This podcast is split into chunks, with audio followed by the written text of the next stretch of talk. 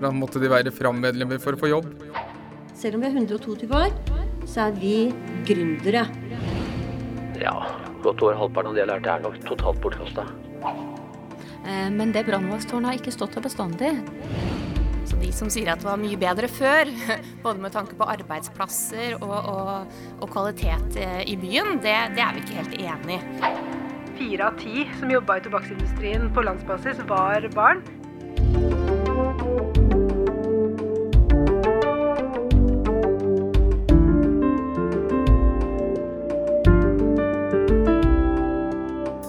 Velkommen til februarutgaven av jubileumspodkasten Larvikspodden Vi 350. Her i studio sitter Geir Atle Johnsen. og Kjetil Wold. Og temaet denne jubileumsmåneden er industri og arbeidsliv. Ja, og industri er eh, jo noe du har et forhold til. Ja, i likhet med veldig mange andre i Larvik er jeg vokst opp med en far som jobba på Alfred Andersen Mekaniske Verksted, eller bare Alfred. Var det en guttedrøm å tenke at eh, du en vakker dag skulle jobbe på Alfred? Ja, Som veldig mange andre uh, smågutter så skulle jeg bli som faren min. Ja. Helt naturlig da at det er du som har ansvaret for innholdet i denne episoden, og jeg gleder meg. Har du hørt om Ulrik Østby? Nei. Jeg kom over navnet hans da jeg eh, googla litt om eh, Alfred Andersen. Snakker vi nå om en av de gamle gutta på gulvet? Nei, på ingen måte. Han er en ung Fram-supporter som har studert historie og skrevet en masteroppgave om Alfred Andersen. Jøss. Yes. Ungdommen nå til dags, altså. Ja, så han måtte jeg jo bare ta en liten prat med, og høre om han har funnet noe eh, om Alfred Andersen som sånn som meg ikke har hørt om før. Spennende. Eh, Men du, vi sitter jo her i studio med flere meters avstand til hverandre. Hva om vi later som om du snakker med Ulrik Østby på en hyggelig kafé? Jo, men Og så sier du i introen din noe sånn som Jeg møtte Ulrik Østby på en hyggelig kafé for ikke lenge siden, og stilte ham følgende spørsmål, osv. eh, Løser det seg rent eh, praktisk når opptak allerede er gjort i studio? Det løses ved et knips. Sånn, vær så god. Jeg møtte Ulrik Østby på en hyggelig kafé for ikke lenge siden, og stilte ham følgende spørsmål. Hvordan var Alfred Andersen som bedriftsleder? Han virka som en eh, tøff bedriftsleder, men en veldig fair bedriftsleder. Han brydde seg om folka som jobba der. Og så var han veldig framtidsretta. Han hadde med seg et veldig demokratisk, eller mer demokratisk styresett fra Amerika. At eh, hver mann fra ulike kasser kunne komme seg fram i verden. I Norge var det fortsatt veldig klassegitt. Det var ikke så lett å bevege seg fra arbeiderklassen oppover. Men fra Amerika, sier du. Eh, han var jo ikke amerikaner. Nei, han eh, dro vestover etter en appell han hadde hørt tilbake på 1860-tallet, mot slutten av 1860-tallet. Han var en ung mann, 16-17 år gammel. Hva, hva var grunnen til at han eh, etablerte en bedrift eh, i, i, i første omgang? Nei, han begynte jo å jobbe for uh, Herroppen borte på Hølen ute på halsen.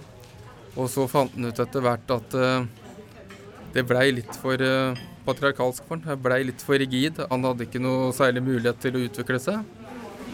Og så oppretta han en liten smie i 1893 og forsøkte sjøl. Men det var jo dårlig råd, og han dro til Oslo og fikk kontrakter over frokost og sa at eh, på sikt kan jeg få dette til å fungere, men jeg har ikke noe særlig penger akkurat nå. Så var det en som tok sjansen på han, da. Hvilke kunder er det han, eh, han retta seg inn mot? Det var litt diverse. Han eh, produserte jo spydet for uh, Kjølling kjerke, annet. Han eh, bygde vinduer og en del skipsindustri. Det var en del eh, verft og båter og den biten der. Propper til telelinjer og mye forskjellig. Han skjønte at han måtte gjøre mye forskjellig for å overleve. Hadde han noe tid til noe annet enn å, å være bedriftsleder? Hadde han et eh, engasjement utover, eh, utover Alfred Andersen? Han var jo venstrepolitiker. Og så ble han styreformann for Sjølling Kjølling Sparebank. Og lånte penger tilbake til seg sjøl for å få banken til å fungere. Rett og slett betalte renter tilbake til banken ved å låne penger, sånn at denne skulle holde seg gående i starten. Og der kom jo første konflikten da med sin tidligere arbeidsgiver. For eh, han ble valgt inn i herdstyret. Og det var ikke noe populært hos herroppen at han skulle sitte sammen med sin smed. Det følte han blei litt for eh, gærent i verden. Rett og slett at en eh, som jobba under han, skulle nå være på lik linje med han. Åssen var det å arbeide for Alfred Andersen? Generelt sett så var folk veldig fornøyde, og det gikk i generasjoner oppover. At det var en far som jobba, så kom sønnen og jobba. Og så tok han jo inn en del eh, læregutter fra tidlig alder som fikk sommerjobb og lignende. Og så kom de inn og skulle få fagbrev og utdanne seg videre innenfor de ulike retningene, om det var sveiser eller og så lignende. Og så eh, det med sosialt ansvar som eh, bedrifter eh, hadde litt større av før. Hvordan utarta det seg hos Alfred Andersen? Det kom jo inn på idrettsforeninga ganske tidlig, da, med at de sørga for vann. For Torsland lå på utsida av den sentrale vannforsyninga i Leirvik. Så bedriften sørga for at de fikk lov til å drive idrett på kveldene og ha rent vann. og til eh, ja, baner og vanning, og ikke minst å lage skøytebane. Det var vel en del ansatte også som eh, var aktive i Fram i idrettsforening? Ja. Der var jo sønnen hans, eh, Thomas, var veldig på at på 30-tallet så måtte de være 20- og 30-tallet oppover, da, måtte de være Fram-medlemmer for å få jobb. For det var tunge år i 30-åra, og da mente han at for, de som var medlem og aktive i klubben, de hadde bedre sjanse for å få jobb. Da. Ja. Det var en sånn forutsetning han la som leder i foreninga og æresmedlem. Det var for så vidt faren først, men så han kom i 20 og far i 11, 1911. Du, de vinduene han refererte til tidligere i den samtalen dere hadde, eh, var det helt vanlige husvinduer, eller? Ja, i den grad uh, man har stålvinduer hjemme, så kunne det jo være det. Men uh, det er jo først og fremst uh, sånne vinduer som man har i offentlige bygg, som Universitetsbiblioteket og, og politihuset i, i, Oslo. Jeg skjønner. Så hvis man kjører rundt omkring i landet, kan man fremdeles se noe av det som var produsert hos Alfred Andersen? Jeg vil heller si at det er vanskelig å dra noe sted uten å se noe som er laga hos Alfred. Og det er ikke minst eh, pga. høyspentmastene, som i mm. mange år var en viktig del av Alfreds produksjon. Og inntil nylig kunne man jo se Varoddbrua i sør, Kvalsundbrua i nord, den gamle Bommestadbrua, og for å ikke glemme Gangbrua mellom Sanden og Fritzøe brygge, hvis du foretrekker å holde deg i byen. Du, er det sånn da at da kan jeg faktisk skryte av å ha gått over en Alfred Andersen-bro? Det kan du skrive hjem til Bøhler om. Du hadde besøk her i studio av eh, Steinar Nyland, som mange forbinder med Alfred Andersen. Er det noe du vil si før vi spiller innslaget? Nei.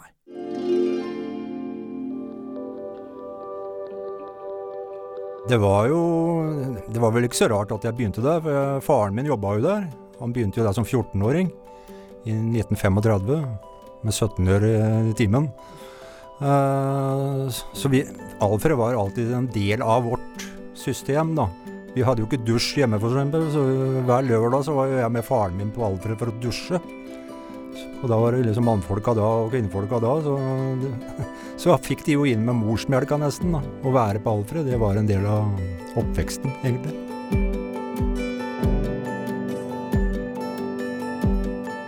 Det var jo på mange måter Vi drev jo sosial uh, hjelp. Vi hadde jo boliger rundt om uh, på Løkka annet. Vi hadde jo masse boliger, og på Torsland i Skinsdals gate. Og der bodde jo Alfred-familier i mange herrens år. De har vel én bolig igjen, og det er den som er nærmest den store Høyenhallen, som vi sier. Ja. Jeg kjente jo ikke han gamle Alfred. Han var jo lenge før min tid. Og jeg tror at uh, han var veldig sosialt anlagt.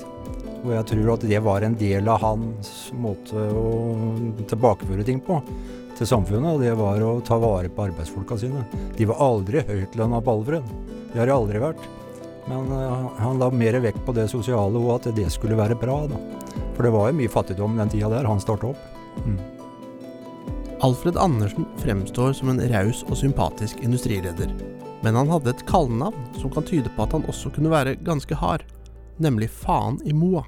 Men jeg tror egentlig det, det kleggenavnet er positivt eh, lada. Det er, ikke, det er ment at han var en Han var jo egentlig en svær kar. Da. Så han blei vel sett på som det at han var egentlig en faen i moa når han, når han uh, sto oppreist og talte alles sak, egentlig. For det var det han gjorde. Jeg har lest at han hadde et uh, demokratisk uh, sinnelag. Og industrien i Larvik på den tida da han starta opp, den var vel ikke utprega demokratisk? Nei, den var ikke det. Han, det som er, jeg har jo blitt fortalt mye om Alfred Andersen opp gjennom åra. Han starta jo ute i Høren på Halsen i 1893. Flytta inn til Torstrand i 1902. Men uh, det sies at uh, han ga arbeidsfolk fri for å gå i 1. mai-tog. Og det var jo før de flytta til Torstrand, da fra Halsen. da. Og det var jo lenge før den dagen blei offisielt fridag. Så han må jo ha litt sympati med arbeidsfolk, da, for å si det sånn.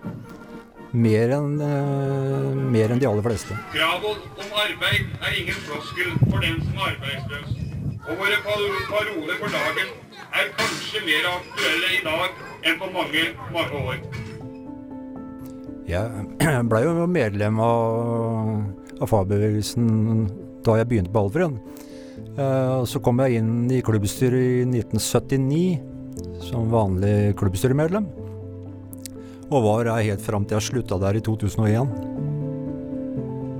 Alfred Andersen er alltid kjent for at eh, vi hadde greit samarbeid med ledelse og, og fagbevegelsen. Men eh, som jeg sa innledningsvis i stad, så har vi aldri vært noe lønnsledende. Så vi har alltid kjempa for å få høyere lønn og sånn.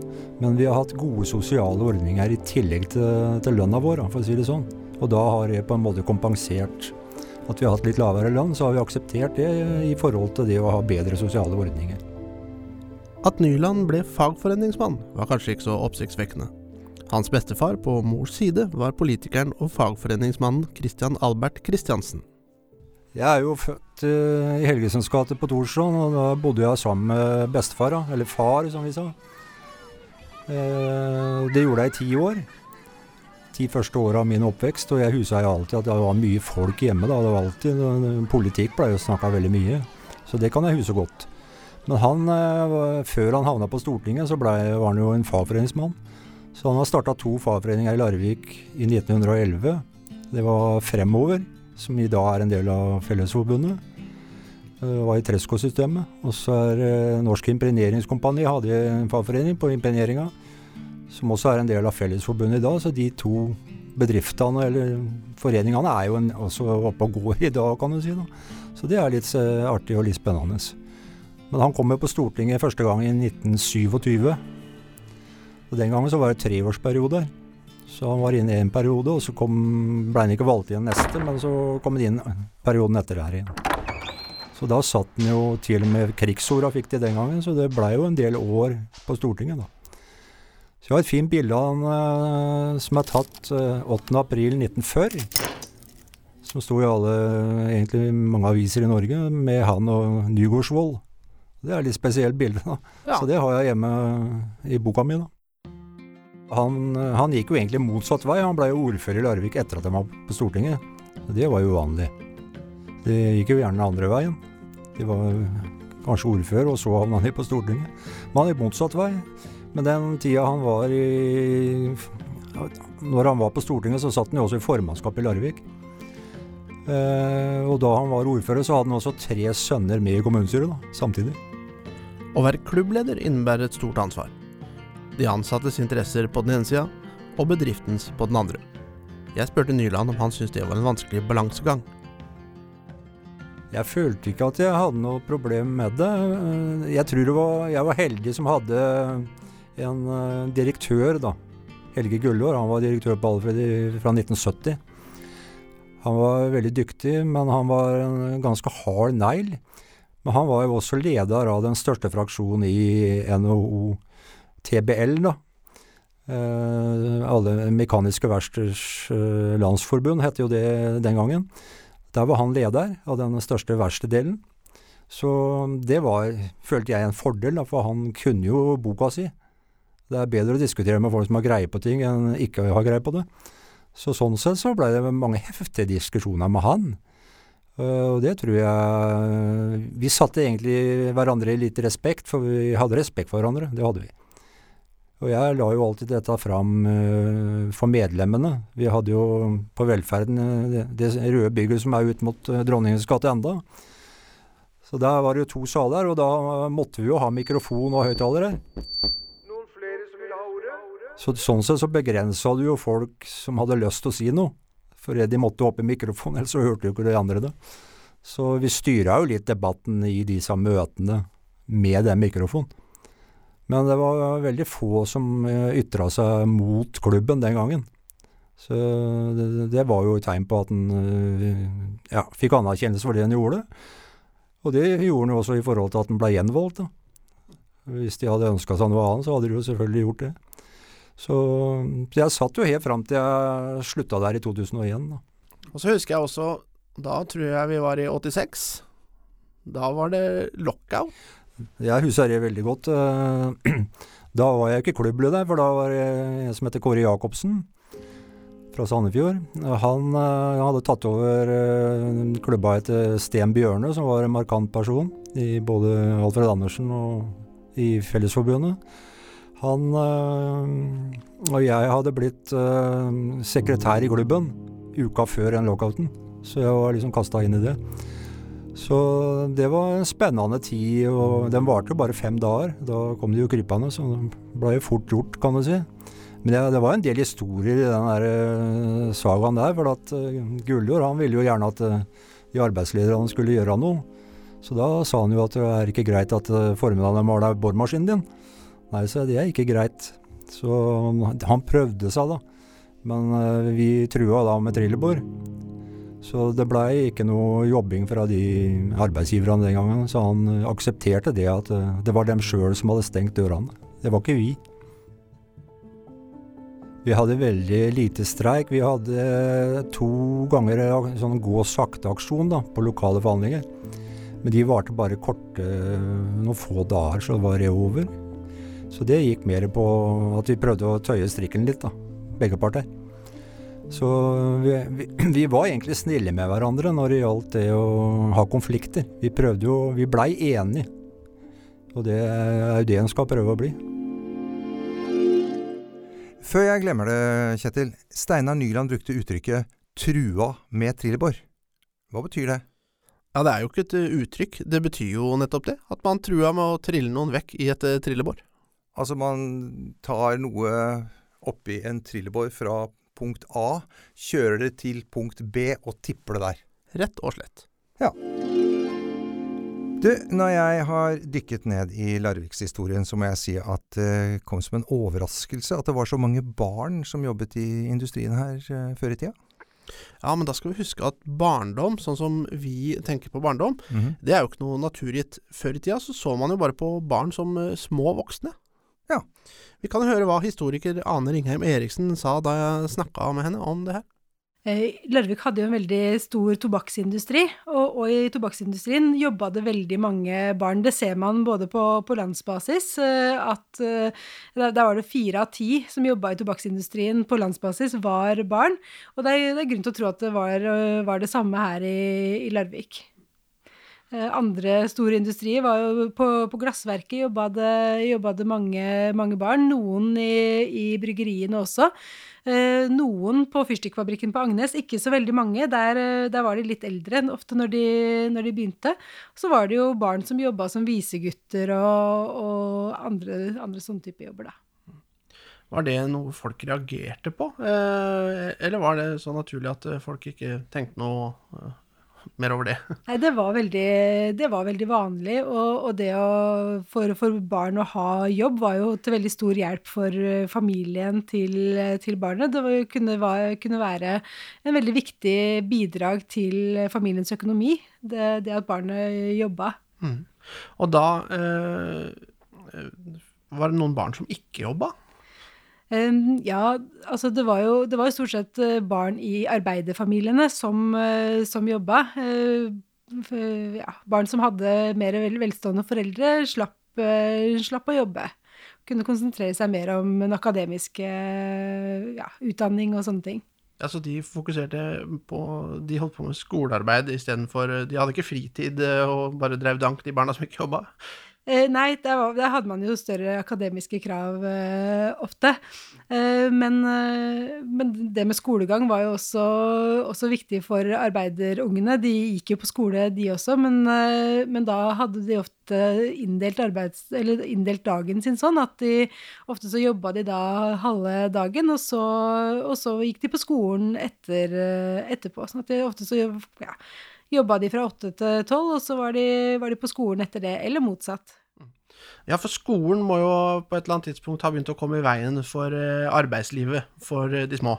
Ja, og det, det var jo sånn at uh, veldig mange ville jo heller arbeide enn å, enn å gå på skolen. sånn at ja, de skolevesenet prøvde jo da i størst mulig grad, grad å legge rett til rette for at man skulle kunne gjøre, gjøre begge, begge deler. Og f.eks. da i 1889, når, eh, når man utvida skoletida for, eh, for ungene, så passa man på å ikke utvide skoletida så mye at uh, ungene ikke rakk å jobbe i, i tillegg.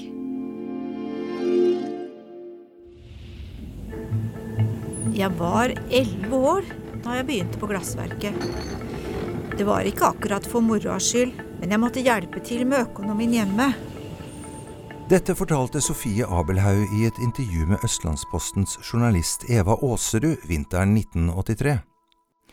90-årige Sofie kunne fortelle om hvordan hun som 11-åring løp i skytteltrafikk mellom glassblåserne og kjøleovnen med nyproduserte flasker på Larvik glassverk. Egentlig var hun for ung til å jobbe der. Fabrikktilsynsloven fra 1892 forbød barn under tolv år å jobbe i industrien, men reglene ble ofte omgått, og på glassverket jobbet det barn helt nede i åtteårsalderen. Vi som var for små, måtte gjemme oss hver gang en av sjefene kom. De visste nok at de hadde småjenter og smågutter som ikke var gamle nok, men de sa ingenting. Fra midten av 1800-tallet ble Larvik for alvor en industriby. Larvik hadde en stor tobakksindustri, reperbane, fyrstikkfabrikk og flere bryggerier. I 1872 ble Larvik glassverk etablert på Torstrand for å dekke etterspørselen etter flasker. Glassblåserne hadde en høy status på glassverket. De var dyktige håndverkere med lang erfaring og var inndelt i lag på fire mann. Hvert lag måtte sørge for at de hadde nok smågutter og småjenter som kunne bære de varme flaskene til avkjølingsrommene. Det var høyt tempo og sterk varme, og det hendte de små bærejentene brant seg på det glødende glasset. Som 90-åring var Sofie fra Torstrand mer opptatt av å fortelle om de gode sidene ved arbeidsmiljøet. Det var så mye humør i folk på glassverket. Av de tingene jeg liker å tenke på, er kameratskapet. Brannsår og sånt er glemt. Sofie Abelhaug fortsatte i jobben på glassverket også etter at hun ble gift og fikk barn.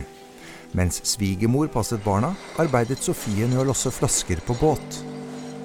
En av guttene holdt på å bli født under flaskelossinga på en av båtene. Vannet gikk da jeg var hjemme til middagen.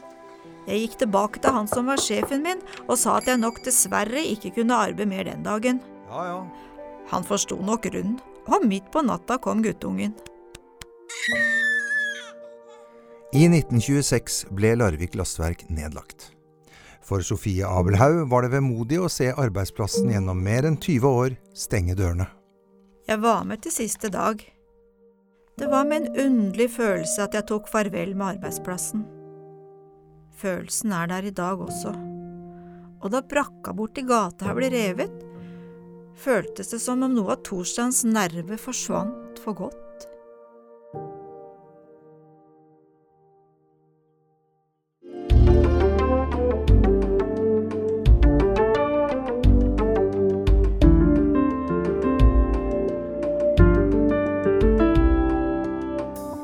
Det er vel slik at det fortsatt er et snev av barnearbeid eh, her i landet, Kjetil? Ja, jeg husker jo at uh, i Østre Hedrum så hadde de jo skole annenhver dag til langt opp på 80-tallet. Uh, og da var det jo mange som jobba på gården annenhver dag. Eh, forresten, hvor gammel var du når du fikk din første betalte jobb? Jeg var 13 år og jobba i oppvaska på en eh, pizzarestaurant, og tjente 25 kroner i timen. Mm. Hva med deg? Jeg var 14 år og jobbet for min favorittonkel, som hadde startet Norges første barkeproduksjon. Ja, Hva var timelønna der? Fem kroner timen mot dine 25. Og da kan lytterne gjette på om jeg er sjukt mye eldre enn deg, eller om min favorittonkel var gnien. Ja, du skal vel da være fem ganger så gammel som meg, da, om jeg regner riktig. Hva het eh, forresten dette barkefirmaet? Det het Jogro. Eh, Men eh, kom ikke det fra Larvik, egentlig? For det har jo jeg sett oppe på barkefyllinga. Mm, godt observert. Altså, min onkel het Einar Johnsen, og derav navnet Jogro.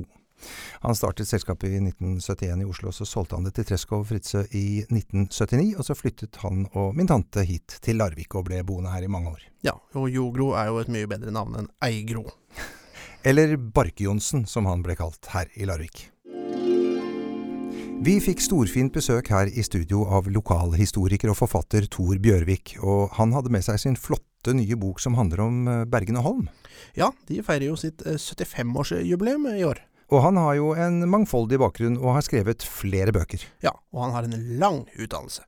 Jeg har gått 19 år på skole til sammen, faktisk. Oi. Og ja, godt over halvparten av det jeg lærte er nok totalt bortkasta. Så jeg, jeg er forskerkandidat av Ja. utdanning. Men um, mine store interesser gikk jo i helt andre retninger. Jeg er veldig opptatt av hvor skal folk hvor skal ting ligge? Hvor skal vi drive vår forskjellig virksomhet?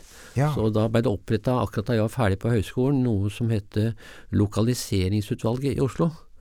Og vår oppgave, vi var en ti-elleve ansatte, det var å veilede bedrifter til å finne den beste plassering ut fra alle mulige forhold. Arbeidskraft og transport, kommunikasjoner.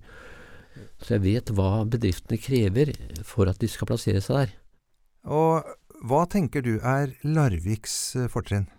Det viktigste ved Larvik eh, næringsmessig er jo den sentrale beliggenheten.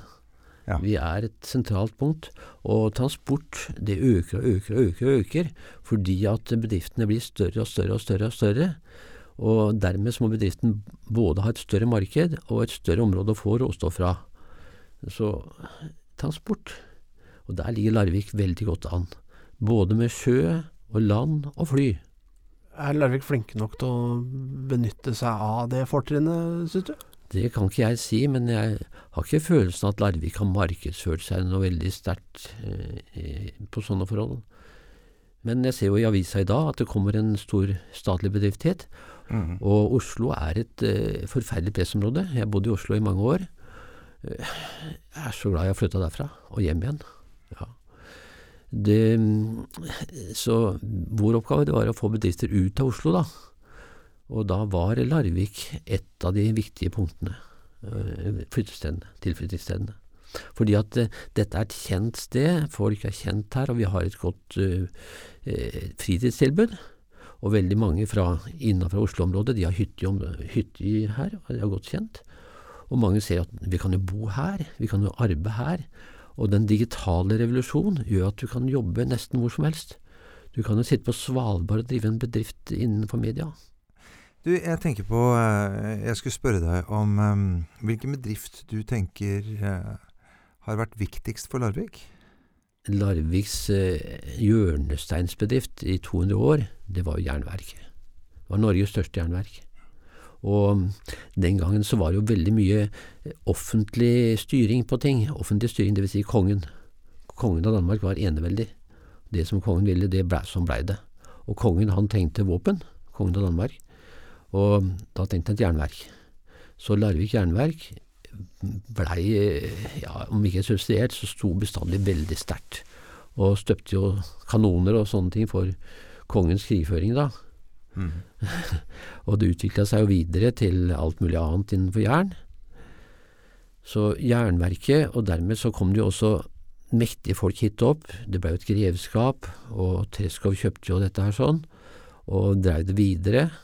Og da jeg, jeg jobba jo som praktikant hos Treskov for å komme inn på høyskolen, faktisk, i 1962-3 3-4, ja. Og da var, da var det en masse bedrifter innenfor Tesco-systemet, og disse svære skauene. Vi var 600 mann i skauen.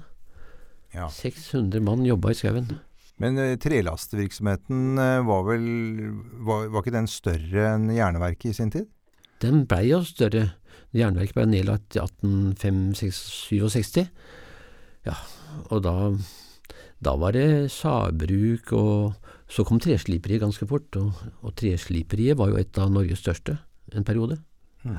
Så eh, Åge Teskovs uh, strategi var jo å bygge på skauen som råstoff, og, og foredle det mest mulig.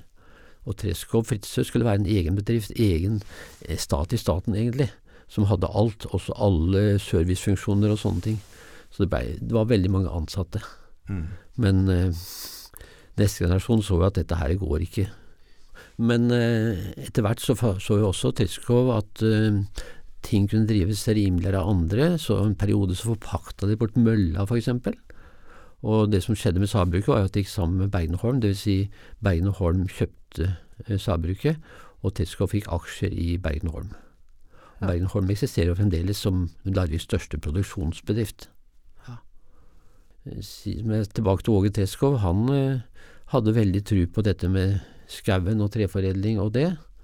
Og det viste seg da etter hvert at når neste generasjon overtok, så var veldig mye av dette var ulønnsomt. Og sjøl for Tesco var det ikke mulig å drive veldig lenge med ulønnsomme bedrifter.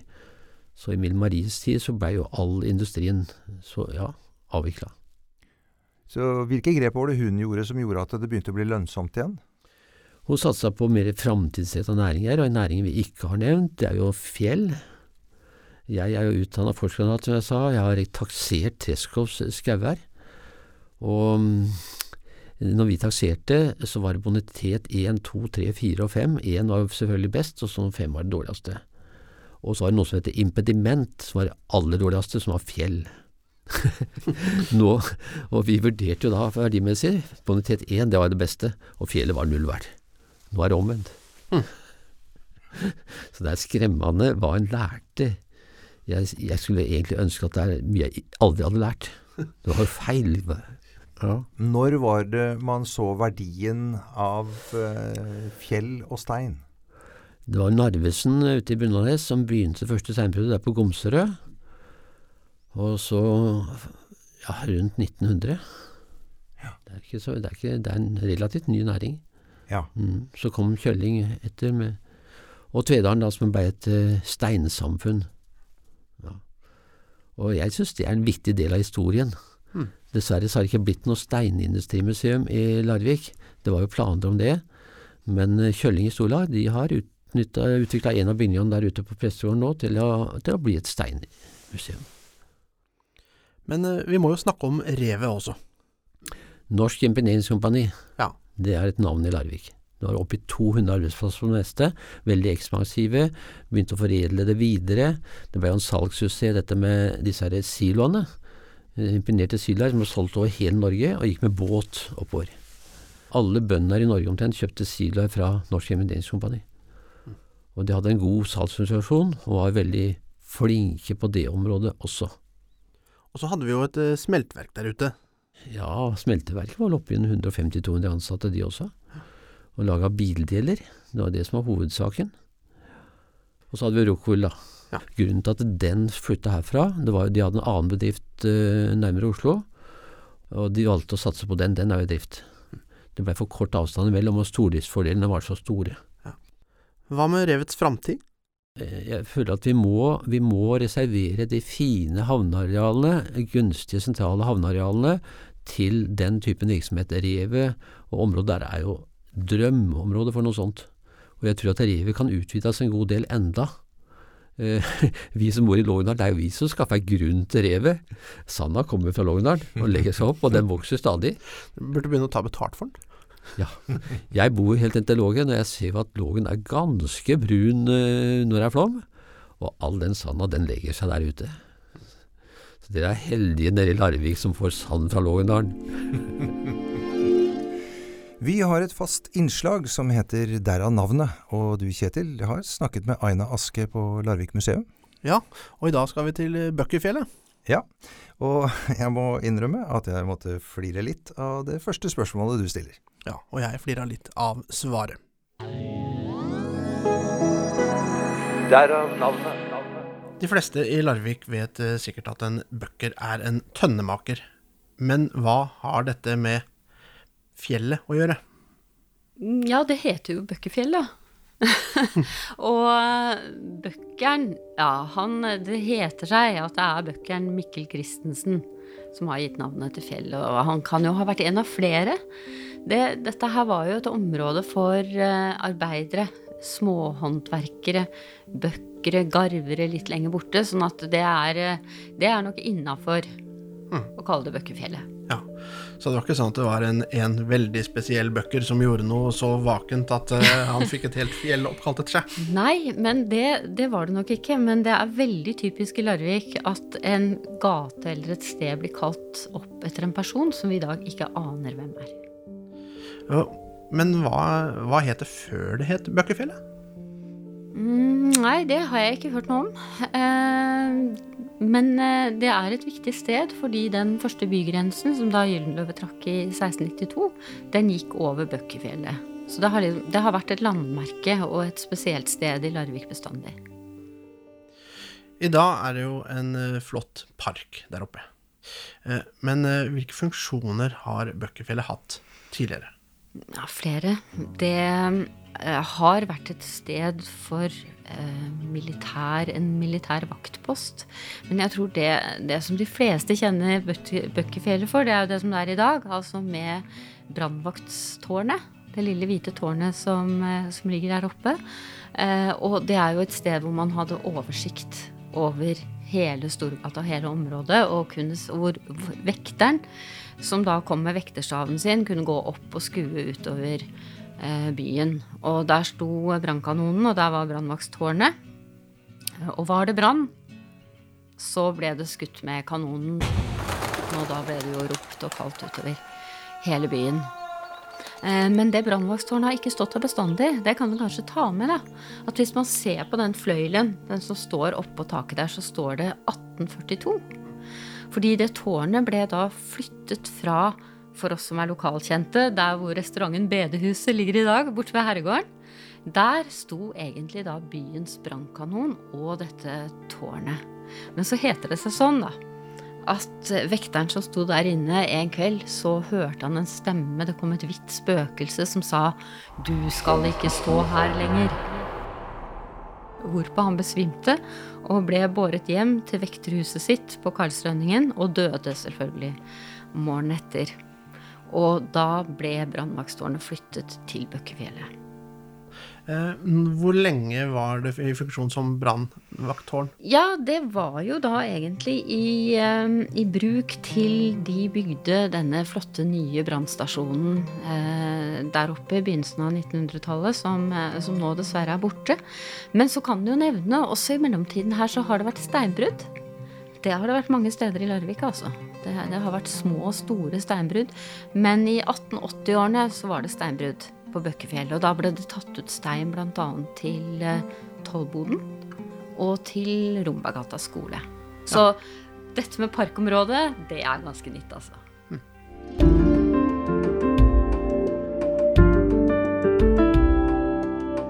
Jeg satt på benken på Bøkkefjellet her om dagen, og så tenkte jeg det at eh, det er ikke så lenge siden det lå plankestabler eh, bortover stranda der. Nei, men der nede har det skjedd store forandringer. Fritzøe Eiendom, kan du fortelle litt om bakgrunnen for uh, selskapet? Ja, um, altså Tresko Fritzøe er jo morselskapet vårt. Og bakgrunnen for eiendomsdelen er jo at man hadde industrieiendommer som uh, Eh, som man så potensielt annen bruk og annen verdiskapning i. Eh, så fra slutten av 90-tallet så ble det ordentlig fokus på, på eiendom eh, i Tresk og Fritze-konsernet. Og da var det jo utvikling av de industritomtene og de industrieiendommene som ligger her, primært i Hammerdalen. Den utviklinga har jo vært veldig tydelig og synlig for alle som, som bor i, i Larvik. Og hva er Hammerdalen i dag? Nei, vi, vi, jobber jo med utviklinga av Hammerdalen som en, som en egen bydel. Eh, der tenker vi jo på at vi skal ha god byutvikling med alle de elementene som er viktige i en god byutvikling. Da trenger du eh, et sted hvor det er godt å leve, det er godt å eh, bo selvfølgelig, arbeide og godt å besøke. Så vi skal jo skape alle elementene som er en del av det byutviklingsbildet og den bydelen som vi ser for oss Hammerdalen. Um, og det har vært grunnleggende prinsipper i, i hele utviklingstanken uh, med Hammerdalen. At det skal være et, uh, et nabolag og en, en bydel som, som, på en måte virker uh, på egne premisser, og samtidig skal selvfølgelig spille på lag med, med resten av byen og Larvik. Hvor mange mennesker er det som er bosatt i, i Hammerdalen per i dag?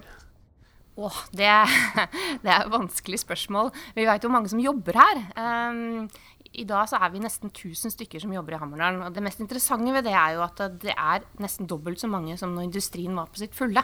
Så de som sier at det var mye bedre før, både med tanke på arbeidsplasser og, og, og kvalitet eh, i byen, det, det, er vi ikke helt enig i.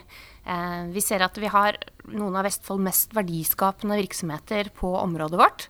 Eh, vi har store internasjonale konsulentselskaper, og vi har mindre lokale bedrifter som driver med lokal verdiskapning. Og det er vi veldig stolte av. Det betyr at vi har skapt en, en attraktiv transformasjon og gjort, eh, gjort Hammerdalen til en destinasjon. Vi har jo et uh, fantastisk spahotell, vi har bygd flotte leiligheter, vi har kulturskole og Kulturaksen som en del av området vårt. Og vi har ikke minst en kompetansebedrifter som hever uh, Hammerdalen og Larvik som et interessant sted for å ha bedriften sin. Så i dag så jobber det mer enn 1000 mennesker på området vårt. Eh, og vi vet at eh, vi har kanskje en halv million besøkende i året, i tillegg til de som bor her. Så at Hammerdalen har blitt en destinasjon både i seg sjøl, men også for hele Larvik, det, det, er vi ganske trygge på. Og det er jo det vi ønsker å utvikle enda mer i fremtiden. Så hvis jeg da kommer til Larvik om 30 år, kanskje med jernbane, hvordan ser det ut i Hammerdalen da? Nei, Forhåpentligvis så kan du gå rett fra stasjonen og gå ned en bakke, og så er du midt i et pulserende eh, byliv hvor det bor folk, det jobber folk, og det er folk som besøker området fordi at det er her eh, her er det et sted du har lyst til å være. Det er jo vår, eh, vår visjon og det vi jobber mot. At vi skaper stedene der du har lyst til å være, der du trives. Um, og det er jeg helt sikker på at vi skal få til med, med Hammerdalen. Da har vi utvikla Sagården. Det er uh, flere bedrifter her. Det er, det er, puls, og det er byliv. Og det er, uh, det er liv her hele døgnet. Uh, det er jo det vi ønsker. en by trenger ikke bare arbeidsplasser et sted, og ikke bare steder der folk bor. De trenger kombinasjonen av bosteder, av, av, gode boliger, av gode arbeidsplasser, av gode uterom som folk kan besøke. Eh, og selvfølgelig alle servicefasiliteter, om det gjelder eh, eh, butikker, kafeer og annen servicenæring da, i tillegg. Vi trenger kombinasjonen. Jeg tror vi alle ønsker en, en, god byutvikling som vil styrke Larvik som et attraktiv by og attraktiv etableringssted for nye arbeidsplasser framover i tid. Og det vil trekke med seg alle de andre tingene som kommer i ettertid. Det er ganske fint å tenke seg yrende folkeliv og nye bedrifter og gründere, men jeg håper jo også at noen tradisjonsrike virksomheter også fortsetter. Og butikker. Eh, Kjetil, hvor gammel er forresten den eldste butikken i Larvik? Det tror jeg må være Felum, som er 170 år i år. Oi, etablert et halvt århundre før unionsoppløsningen der, altså. Men eh, hva med kombinasjonen tradisjon og gründervirksomhet? Finnes det? Ja. O Borgen Møbler. Nei, jeg er eh, fjerde generasjon som eh, driver nå. Jeg og min søster. Så det var min oldefar som startet dette her i 1899. Og så var min bestefar Trygve Anker Borgen. Og så var vår far Bjørn Borgen. Og jeg overtok som daglig leder her i 1984. Så jeg holdt på i ganske mange år. Det var pga. han ble tidlig syk. Og jeg måtte tre inn i den rollen der. Og den har fungert inntil i dag. Og slik er det nye generasjoner som kommer til. Men Borgens eh, møbelhistorie den går jo enda lenger tilbake enn 1899. Ja, det er helt riktig. Og det var fordi at vår oldefar, når han kom til Larvik så, Og det gjorde han fordi at han fant kjærleiken her. Og, og, giftet seg med en pike her nedenfra. Men da begynte han faktisk på et møbelsnekkerverksted som var et gammelt møbelsnekkerverksted den gangen, som het Sørensen. Og, og han hadde ingen arvinger selv, han Sørensen. Og da, da, fant han ut at det var beleilig at eh, den unge snekkermester Borgen at han kunne da overta forretningen. Så, så, hvor gammel den butikken her egentlig er, det er ikke vi helt sikre på. Hva var den, eh, den første suksessen eh, man kjenner i, i Borgens møbelhistorie? Første suksessen, ja, det må vel være sovesofaen, vel. Mm. Uh, og det er, det er, et fundament for både familien og for, for firmaet som vi er veldig veldig stolte av. Det var rett og slett det at uh, tidene var trange. Og, og, Ole Peter, vår oldefar, hadde mange barn. Og mange skulle fø på, og det var lite oppdrag. Så sier han til kona si at vet du hva, nå går jeg inn i mitt rom, inn på mitt kammers, og der blir jeg 14 dager i bønn til Gud om at vi må få noe å leve av. Kristne har den familien her vært i generasjoner, og det er vi fortsatt. Så eh, sier han at ingen får komme annet inn enn med mat. Etter 14 dager så kommer han ut med en tegning, og det var av en sovestol slash sovesofa. Den ble patentert. Den gangen så, så, jobbet han faktisk da, drev han inne i Oslo. Og for hver gang de hadde solgt en sovesofa, så blei det feiret med kake. Da sendte han kona og to av ungene på Halvorsens konditori for å spise kake. Og, og, og, kaker er vi glad i, og vi feirer ting med kake fortsatt. Så sånn er det. Men kanskje ikke hver gang dere selger en sofa lenger? Da hadde jeg blitt rimelig tykk. For dere snekrer ikke møbler lenger sjøl? Det var slik at det startet jo med møbelsnekkerverksted, og det var helt naturlig så ble det mindre og mindre som begynte å kjøpe ferdig, eller snekrede varer, fordi det begynte å produseres varer. Og det ble billigere å produsere varer og forhandle andre. Og vi utvidet sortimentet fra det å være treforhandler og, og enkle sovesofaer til det å bli total. Og total kan du ikke produsere selv. Da ble vi butikk. På samme måte vil vi tenke at vi er, selv om vi er 122 år, så er vi gründere. Så det betyr at Beatrice som er femte generasjon, hun har den totale frihet til å drive forretningen slik som det vil være riktig for markedet i hennes tid. Ole Bjørn og jeg vi driver ikke sånn som våre foreldre drev. Vi driver på en helt annen måte. Det skal neste generasjon også få lov til å gjøre. Uh, ja, det er jo jeg som er nestemann eh, etter Ole Bjørn. Um, men sånn som vi gjør det her, vi ser egentlig ikke på hvem som driver, og hvem som er på en måte sjefen. Her er vi ganske like stillingsmessig. Så det er vel det som gjør det så enkelt for neste person å komme inn. For det blir ikke sånn at du sitter på en pidestall. Alle har en si i ordet.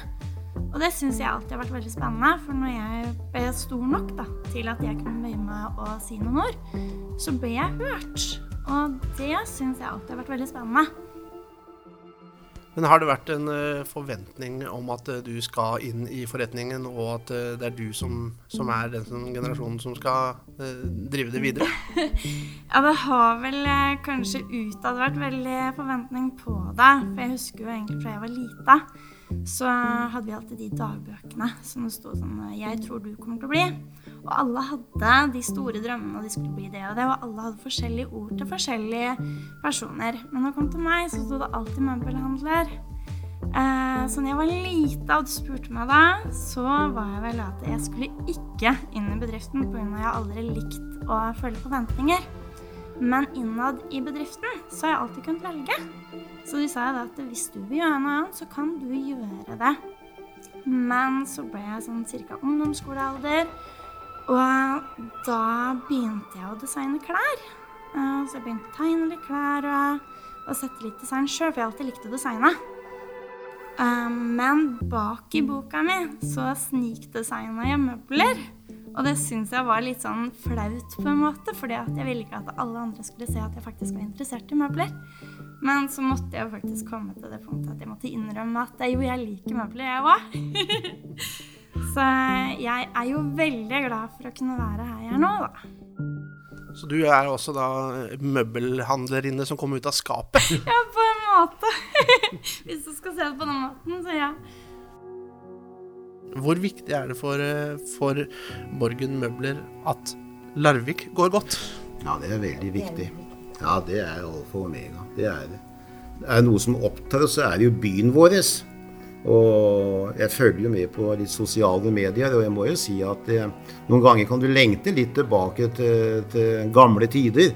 Hvor du ser torvet syder av vogner, og det er handel, og det er biler, det er parkering. Det, det, det oser av velvære og det hele.